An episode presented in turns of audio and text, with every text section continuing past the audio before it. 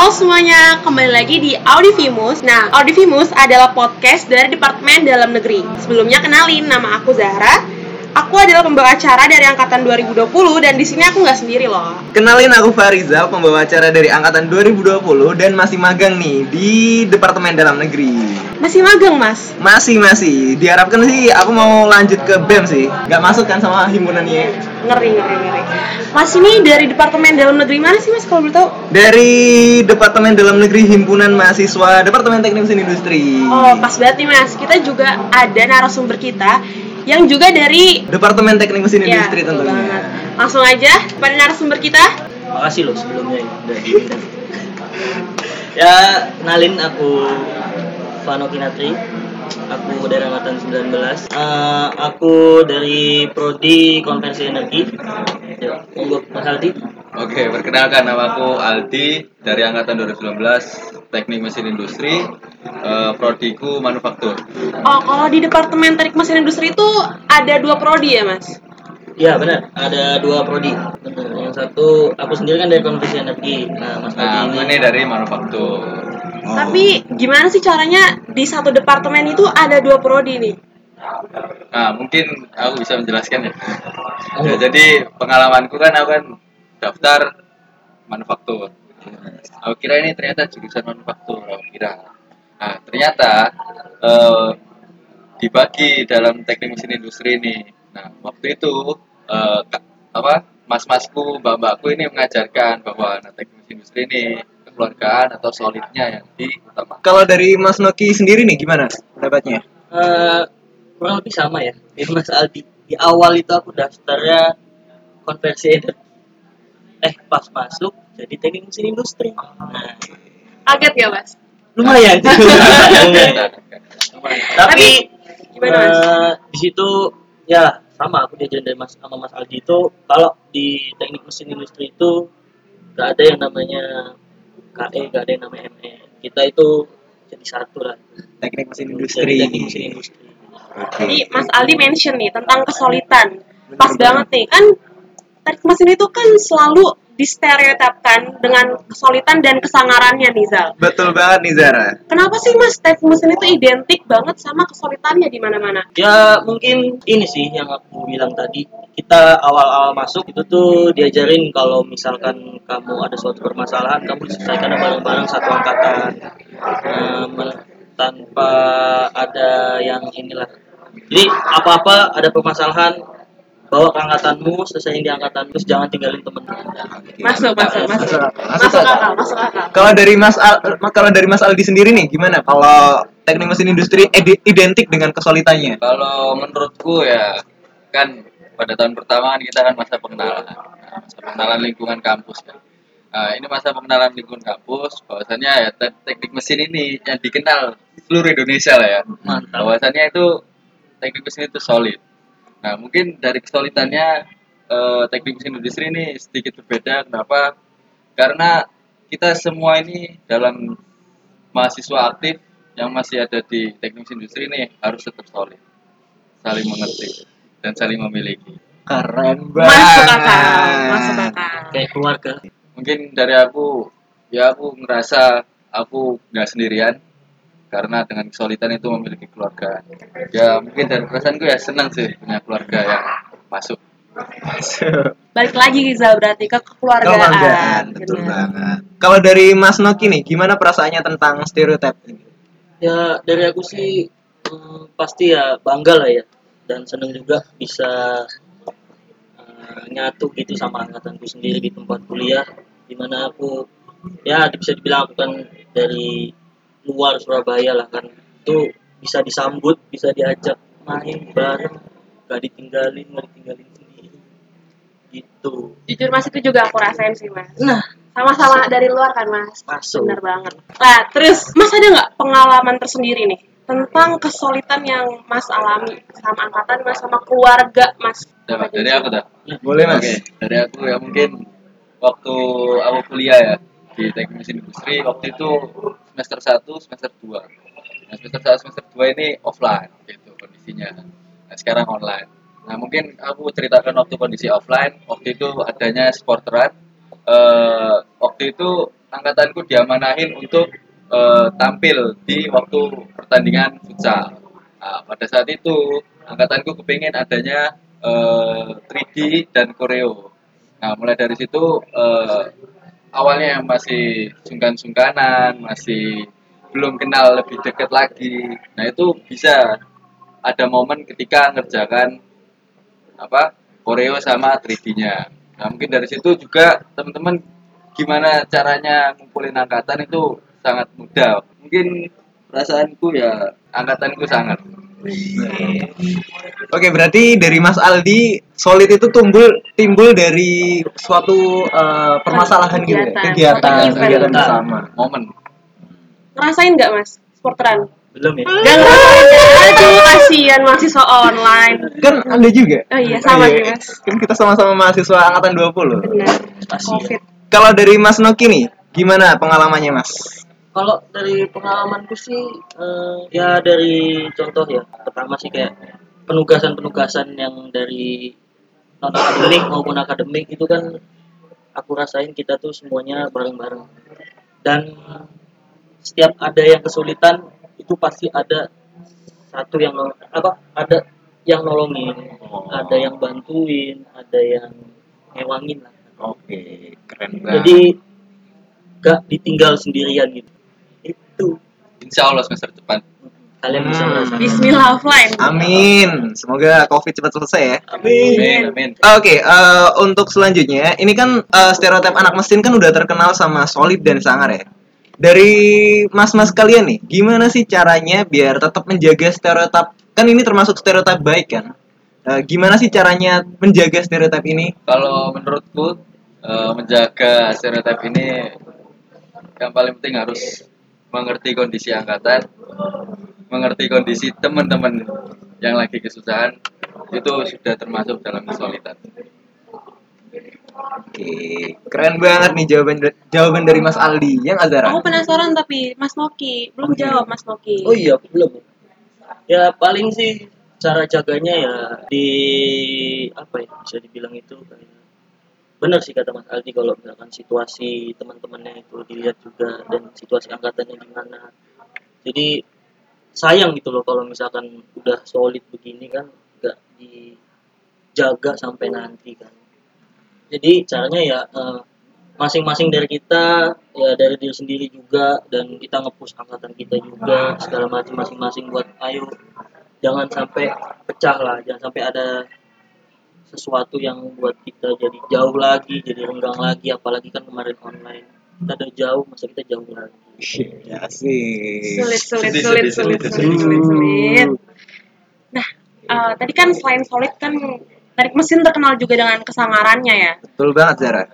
Pernah nggak sih mas, kesangaran tersebut itu malah membawa sebuah malapetaka mas? kalau dari aku sih ya mungkin nggak malah petaka sih kayak apa kayak segenin gitu sih tapi kalau malah petaka sih kalau menurutku ya nggak ada lah malah petaka kayak misalkan kamu dari sini ya ah males nggak mau kayak gitu kalau menurutku sih nggak ada sih kayak gitu gitu di Kalau dari Mas Aldi sendiri gimana nih Mas? Kalau menurutku nggak ada malah membuat petaka. Mungkin cuma dari satu anak yang eh, tidak bisa menerima dari omongan itu mungkin. Tapi ketika masalah itu pasti bakal diselesaikan dengan bersama-sama. Dengan keluarga. Balik lagi, Balik lagi. solid. Solid. Oh ya, ini mungkin ada satu pertanyaan tambahan apa boleh Mas? boleh Boleh. Boleh. Lanjut. Ini kan terkenal sama solid dan sangar ya tadi Mas ya. Ya benar. Gimana sih biar tetap menjaga kesolidan di waktu kan sekarang lagi pandemi juga. Gimana sih cara menjaga kesolidan di waktu pandemi? mungkin sih eh, kita walaupun pandemi kayak gini ya sering komunikasi lah sama angkatan ya. Kalau misalkan itu ya adakan internal ngobrol-ngobrol segala macem. Yang penting nggak menurutku sih nggak lost kontak dan hilang ya. Kalau misalkan dia hilang itu kan kita juga komunikasi kan juga susah segala macem. Jadi ketemu pun jarang apalagi ketemu jarang terus komunikasi sosial media juga jarang ya udah. Jadi kayak tetap jaga komunikasinya aja sih. Oke, mantap ya jawaban dari Mas Noki. Kalau dari Mas Aldi sendiri gimana nih Mas? Untuk menjaga kesolidan di kala pandemi ini. lebih mantap kalau dari aku ya setuju sama sama Mas Toki komunikasi yang pertama.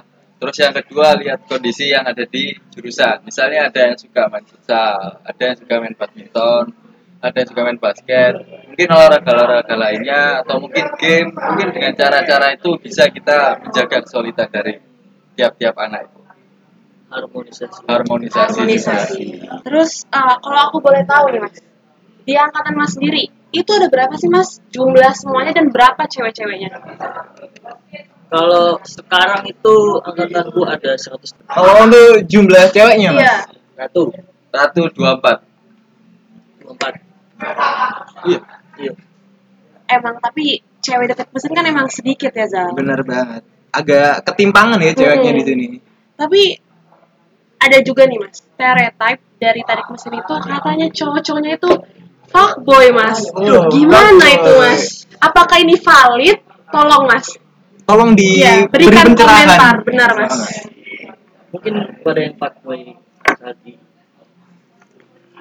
menurutku enggak sih karena apa Eh bahwasannya kan teknik mesin kan ceweknya sedikit terus kita juga untuk menjaga mengistimewakan cewek yang ada di jurusan kita jadi gimana caranya kita bisa membuat cewek itu nyaman dan pandangan-pandangan fuckboy itu enggak ada Dengerin tuh cewek-cewek. Wih, buat buat nyaman. teman Ih, bener banget. Buat teman-teman yang masih SMA, kita bikin nyaman loh kalian di teknik Iya mesin. loh, ayo loh. Oke, untuk eh, Mas Noki sendiri nih, gimana sih eh, tentang stereotip kebanyakan cowok teknik mesin itu fuckboy? Menurutku sih enggak. Itu cuman oh Wena. Eh, malah bener kata Mas Aldi di sini karena rat cewek atau ratu itu jumlahnya sedikit jadi itu yang benar-benar diistimewakan benar-benar diagung-agungkan. Makanya dinamakan ratu Keren banget. Oke Mas, tadi kan eh, Mas Aldi sama Mas Noki tuh sempat mention cewek-cewek di teknik mesin industri itu diistimewakan. Nah, istimewanya itu gimana sih Mas? Oke, mungkin aku jawab ya. Jadi diistimewakan ini misalnya nih, eh, kita kan peduli kan sama cewek yang ada di jurusan atau teknik mesin industri ini. Contohnya eh, nggak ada kendaraan, mungkin dari teman-teman ini langsung mengabari untuk menjemput, itu diistimewakan. Terus eh, menghargai eh, apa ini namanya pendapat dari cewek atau ratu kita lebih diutamakan daripada teman-teman cowok. Terus yang lebih penting lagi kalau misalnya cowok semua nggak ada yang nengahin yaitu cewek yang nengahin. Itu istimewanya cewek di jurusan kita. Kalau dari Mas Noki sendiri nih, gimana pendapatnya soal eh, istimewanya itu gimana sih Mas? Eh, kalau dari aku sih mungkin ini ya ratu itu bisa dibilang segala urusannya bisa dibilang kayak ya dalam dalam artian bukan mengurangi momen apa itu. Kesetaraan nah gender, ya tanpa mengurangi rasa hormatku terhadap itu?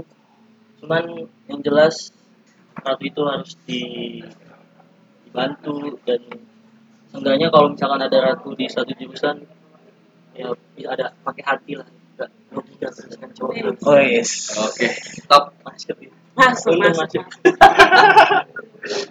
Jujur juga aku ngerasain sih, kan aku juga ratu. Oke. Aku ngerasain sama yang dibilang Mas Aldi dan Mas Loki. Kalau sudut pandang ratu gimana sih aku mau tahu? Bener tadi kata Mas Aldi, aku di sini kan kebetulan tidak ada kendaraan. Oh, iya. Selalu ada garda-garda terdepan yang siap untuk menjemput ke mana pun. segala urusannya Benar Oke. banget. dibantu Dibantu, diayomi. Oh ya, eh, tadi kan sempat dimention soal eh, kedekatan lah. Ratu dapat privilege beberapa hal yang teman-teman cowok di teknik mesin itu nggak dapat gitu loh. Buat cowok-cowok teknik mesin itu pernah nggak waktu lagi mengistimewakan ratunya, terus kejadian baper terus akhirnya kayaknya aku ngincer deh sama dia. Iya, bener banget. Jadi ada percikan-percikan asmara gitu. Wih. Nah, itu aku jawab. Jadi pasti setiap satu angkatan itu pasti ada lah ya, ya kayak gitu. tapi nggak banyak sih paling cuma lima lah setiap angkatan pasti ada lima mungkin yang pacaran dalam satu angkatan itu pasti Lima itu lima couple atau lima orang, Mas? lima pasangan Lima pasangan. Iya. Ba- Banyak dong ya. Ada Lima- sepuluh ada orang. orang Iya. terlibat. Oke. terus apa lagi Kalau dari Mas Noki mungkin pernah tahu Ya, Yang- atau Mas sendiri mengalami nih, Mas?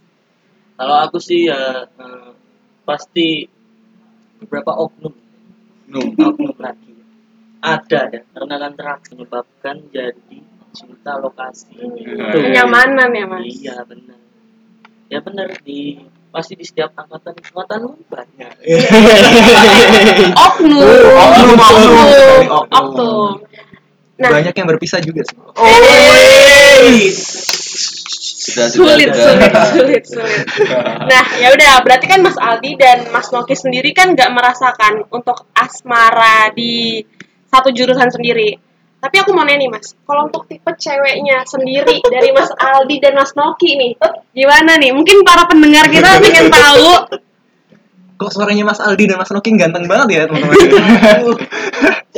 mungkin dari aku ya Silakan Mas. Eh, tipe cewek ya Mm-mm.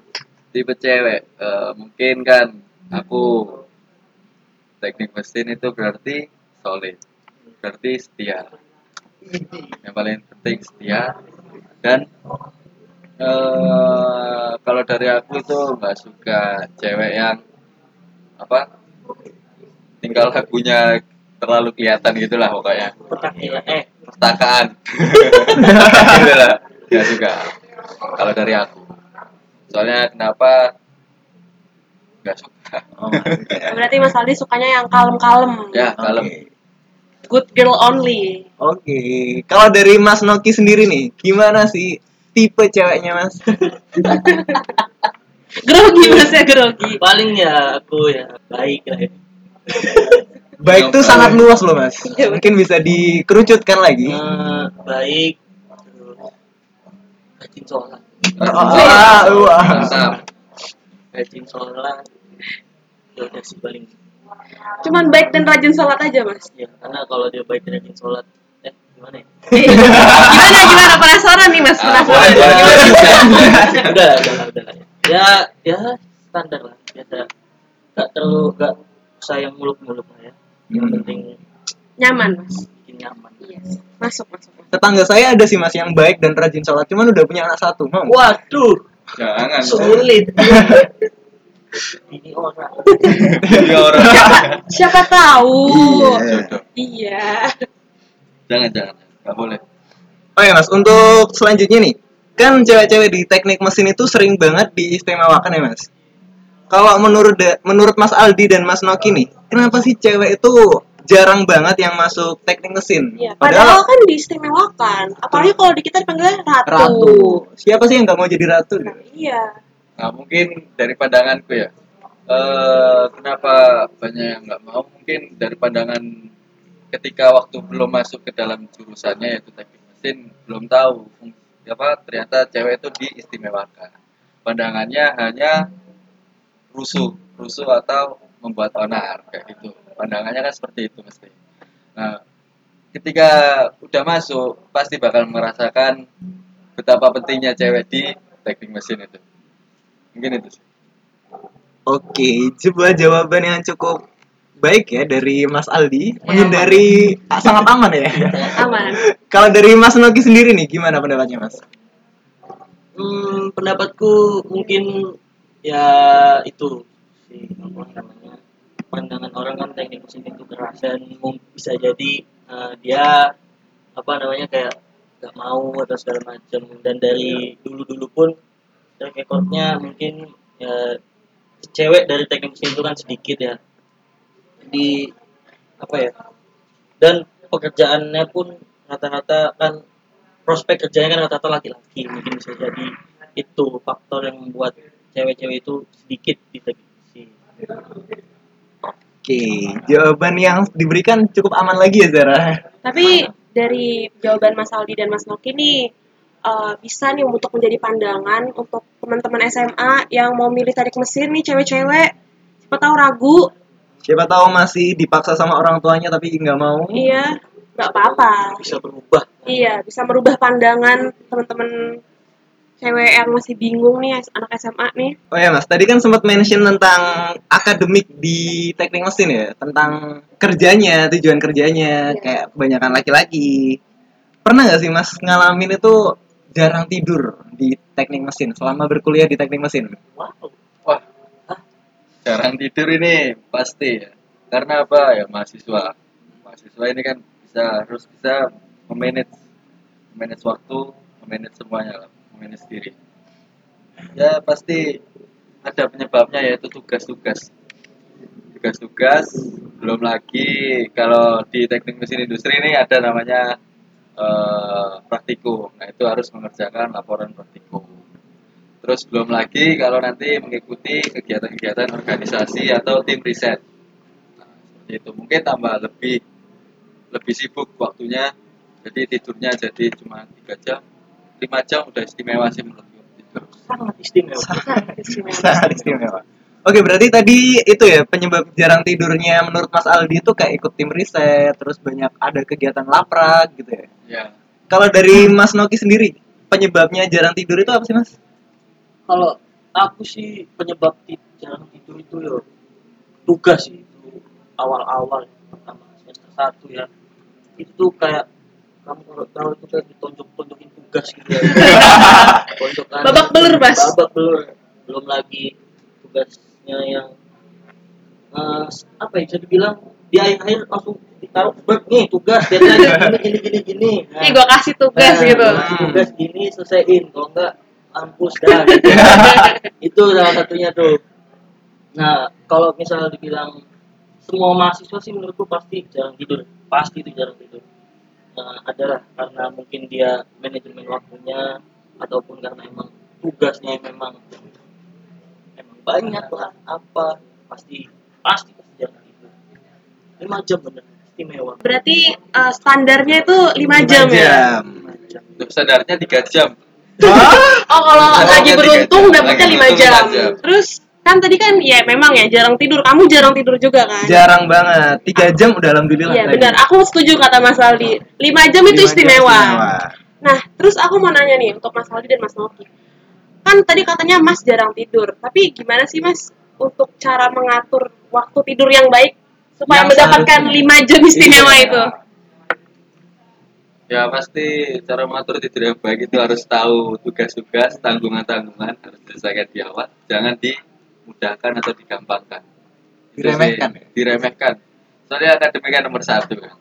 Kita kan kuliah kan untuk orang tua dan bisa membanggakan orang tua. Jadi kita harus tidur yang baik, akademik yang baik juga. Jawabannya Mas Aldi bagus banget ya. Ini kita lihat mukanya Mas Noki bingung nih cari jawaban lain. Kayaknya soalnya jarang tidur. oh iya jarang tidur. Gimana nih Mas Noki nih? Hmm, kalau aku sih apa ya? Palingan tugas kalau udah dikasih tuh dicicil lah ibaratnya. Kan banyak juga yang ah nanti ah masih bisa Iya. masih seminggu Pasti, iya. pasti, pasti. masih dua minggu masih tenang santai deadline-nya baru hmm, semuanya gitu ya palingan dari tugas-tugasnya sih bisa dicicil di awal-awal ya jangan digambangi walaupun saya juga sering menggambangi dulu Semua mahasiswa gitu sih Mas. Deadliner semua ya. Deadliner semua. aku sat set sat set Nyari contekan. Eh, Eh, Eh, eh, eh, eh, eh, eh. hey. Yang penting info lancar. Lancar. benar-benar setuju. Terus eh, aku mau nanya nih, pengalaman terenggak tidur terparah itu kapan mas? Ada nggak bisa diceritain gitu mas? Mungkin dari aku ya. Jadi Aku aku, juga juga keinget kan waktu aku apa masih semester 1 waktu itu ada sporteran malam eh awalnya paginya ya pagi itu kelas sampai sore setelah itu malam sporteran habis sporteran ke kosnya temenku itu langsung ngerjain laporan praktikum. Sampai pagi ternyata ada kelas pagi jam 7 akhirnya di gas sampai pagi. Setelah itu so- kelasnya sampai sore. Habis pulang kuliah itu langsung ngopi sama temen angkatan Ngopi. akhirnya pulangnya jam 11 malam dan baru tidur jam 11 malam itu Apa nggak gemeter itu mas? Eh, tambah lebih kayak otak ini kayak kerasa lemot gitu sih mau ngapain itu bingung pasti kalau belum tidur pasti kayak gitu semua bakal ngerasain sih Gimana nih mas Koki? Ada nggak mas pengalaman kalau dari mas sendiri? Oh, jelas ada. Yang tadi aku bilang, aku ditonjok labrak, ditonjok tugas besar, deadline-nya itu sebenarnya mepet gitu sama hari ini deadline satu, nah besoknya deadline, sekarang deadline labrak hari ini, besoknya deadline eh, tugas besar adalah matkulku.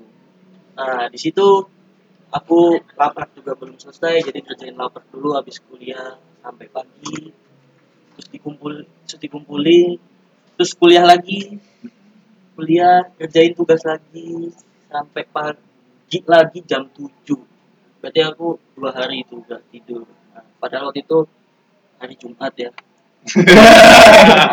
terus dari jam 7 itu ya pokoknya aku berdoa lah ya Allah bangunin aku kalau nggak bangun ya udah Agak agak, dua siang agak serem ya. Agak serem ya. agak serem. ya itu dua hari dua hari full bener-bener kayak mata itu Melek. ya, melek lah bener-bener melek kayak sampai dua hari ketemu matahari terbit gitu kan udah kalau lihat matahari udah cepet gitu lah pedes Pagi Surabaya mataharinya ada Nah, lima iya kayaknya mas. nah, belum lagi itu kan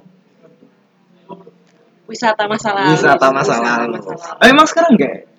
Eh, enggak sih Enggak Oh, sih. enggak. long enggak cuma online jadi enak Oh iya. Tinggal nunggu info ya. iya. Iya. Tadi Eh, yang penting info lancar. Lancar. Pe, Oh ya, ngomong-ngomong soal jarang tidur nih, Mas. Masnya pernah nggak merubah kebiasaan jarang tidurnya Mas ini? pernah mencoba tapi nggak bisa soalnya sangat susah kalau merubah kebiasaan itu yang pernah tak baca itu harus selama 26 hari seperti itu merubah baru kebiasaan jadinya sangat susah sih paling aku cuma satu minggu bisa setelah itu ada info dari kampus? Udah nggak normal lagi. Info dari kampus. Kalau dari Mas Noki sendiri nih, gimana Mas? usaha merubah. Itu ada lah. setiap orang pasti kan pengen tidur jam 10 malam. Jam 5 tapi baru pulang dari kampus jam 2 eh gimana ceritanya kan kayak gitu ibaratnya. Ya usaha buat merubah mungkin adalah set dua hari hilang. Dua hari hilang lagi gitu kan. jadi kayak ya udahlah emang udah bawaannya udah begini nantilah dirubahnya Insya Allah gampang, bisa Insya Allah ya, Insya Allah dirubah. Kalau misalkan tadi kan Mas Noki bilang kan dari kampus jam 2 baru pulang. Nah, itu kalau sampai sedini hari itu berefek nggak Mas untuk kegiatan di pagi harinya? Oh, sangat sangat berefek sangat berefek. sangat berefek Cuman eh, balik lagi sih eh, namanya konsekuensi ya. Tetap eh, dibilang berefek ya pasti berefek. Cuman karena emang udah bukan keharusan kayak ya udahlah. Jadi tetap harus dijalanin aja walaupun ngantuk-ngantuk tipis gitu. Oke, kalau dari Mas Aldi, gimana Mas? Kalau dari aku sangat ngefek. Soalnya kelasku pagi terus jam 7. Paling siang cuma jam 10 siang. Jadi ya kalau bangun ya sedikit pedes matanya. Terus melawan malesnya itu yang dari kasur pasti. Oh, Itu sangat ngefek gitu. Apalagi pagi-pagi kan dingin. magnetnya kuat banget. Iya. Gravitasi di kasur kuat ya? Ya, sangat. Oh ya, mungkin buat sebagai penutup nih. Kan kita udah bahas jarang tidur. Menurut mas-mas kalian nih, apa sih benefit dan kerugiannya buat kebiasaan jarang tidur ini, Mas? Kalau ada benefitnya, Iya, kayaknya ada sih. Kita harapin aja. ada nggak ya kita lihat Iya. dari opini Mas Silakan, Mas. Aldi dan juga Mas Noki. Kalau benefitnya mungkin aku belum nemu ya. Belum. Belum, belum. Cuman kalau ya kerugiannya ya di kesehatan lah. Ya, Kesehatan kita jadi yang harusnya tidur jam segini jadi dipangkas lagi. Cuman kan kalau emang itu udah tuntutan atau emang udah kebiasaan ya ya jangan kayak gitu. Terus-terusan lah maksudnya ada waktunya buat berubah. Mungkin aduh belum nemu sih benefitnya ini. Mungkin Mas Aldi dulu mungkin dari aku ya mungkin jarang tidur ini karena apa dulu misalnya karena himpunan atau karena akademik mungkin itu benefitnya buat diriku sendiri. Mungkin kalau kerugiannya pasti kesehatan dan nanti ketika waktu kerja pasti bakal jam 7 pagi harus sudah bangun dan oh iya ucapin dulu ada temanku nih yang HBD lagi ulang tahun Selo dan siapa Bapak. Bapak. Siap-siap ya. Ini teman-teman di tag pada tanggal 24 November ya. Iya. Jadi Selamat ulang Selamat ulang tahun, tahun. The Godfather of Dagri. Iya. Bapak. Father, Bapak. Alumni Bapak. Kayaknya udah deh, Zal. Aku semalam kurang tidur nih. Waduh. Waduh. Waduh. Pas Iya. banget ini. Pas Pas banget. Ini ini tadi waktu Mas Aldi sama Mas Noki jawab aku juga tidur-tiduran gitu. Iya. Lumayan sak seliut. Iya. Ada ngantuk ya. Iya, oke. Mungkin terima kasih banyak ya buat Mas Aldi dan Mas Noki. Mungkin ada pesan-pesan terakhir, Mas? Ya mungkin pesanku ya jaga kesehatan. Dijaga kekompakan. Oke, jaga kompakan. ya yang sehat selalu lah. Ayo kita ke kampus. Iya, kita ke kampus. Kalau aku pesan pesan dan kesan pesan pesanku yang pertama ini pada poin pertama yaitu solid ya. Mungkin buat teman-teman yang dengerin harus tetap jaga solidannya. Terus yang kedua ini yang lagi jatuh cinta dengan angkatannya mungkin harus menerima resikonya ketika nanti berakhir harus terima resikonya gitu. Sulit. Sadis. Terus untuk jarang tidur, jarang tidur ini ada nilai plusnya yaitu untuk akademik atau organisasi atau riset itu kalian mendapatkannya jadi jangan untuk disambatkan atau dikeluhkan. Penutup yang Cukup bagus sekali dan sangat aman. Oke, baik teman-teman. Aku Zahra. Aku Farizal pamit. See you di podcast Audivimus berikutnya. Bye.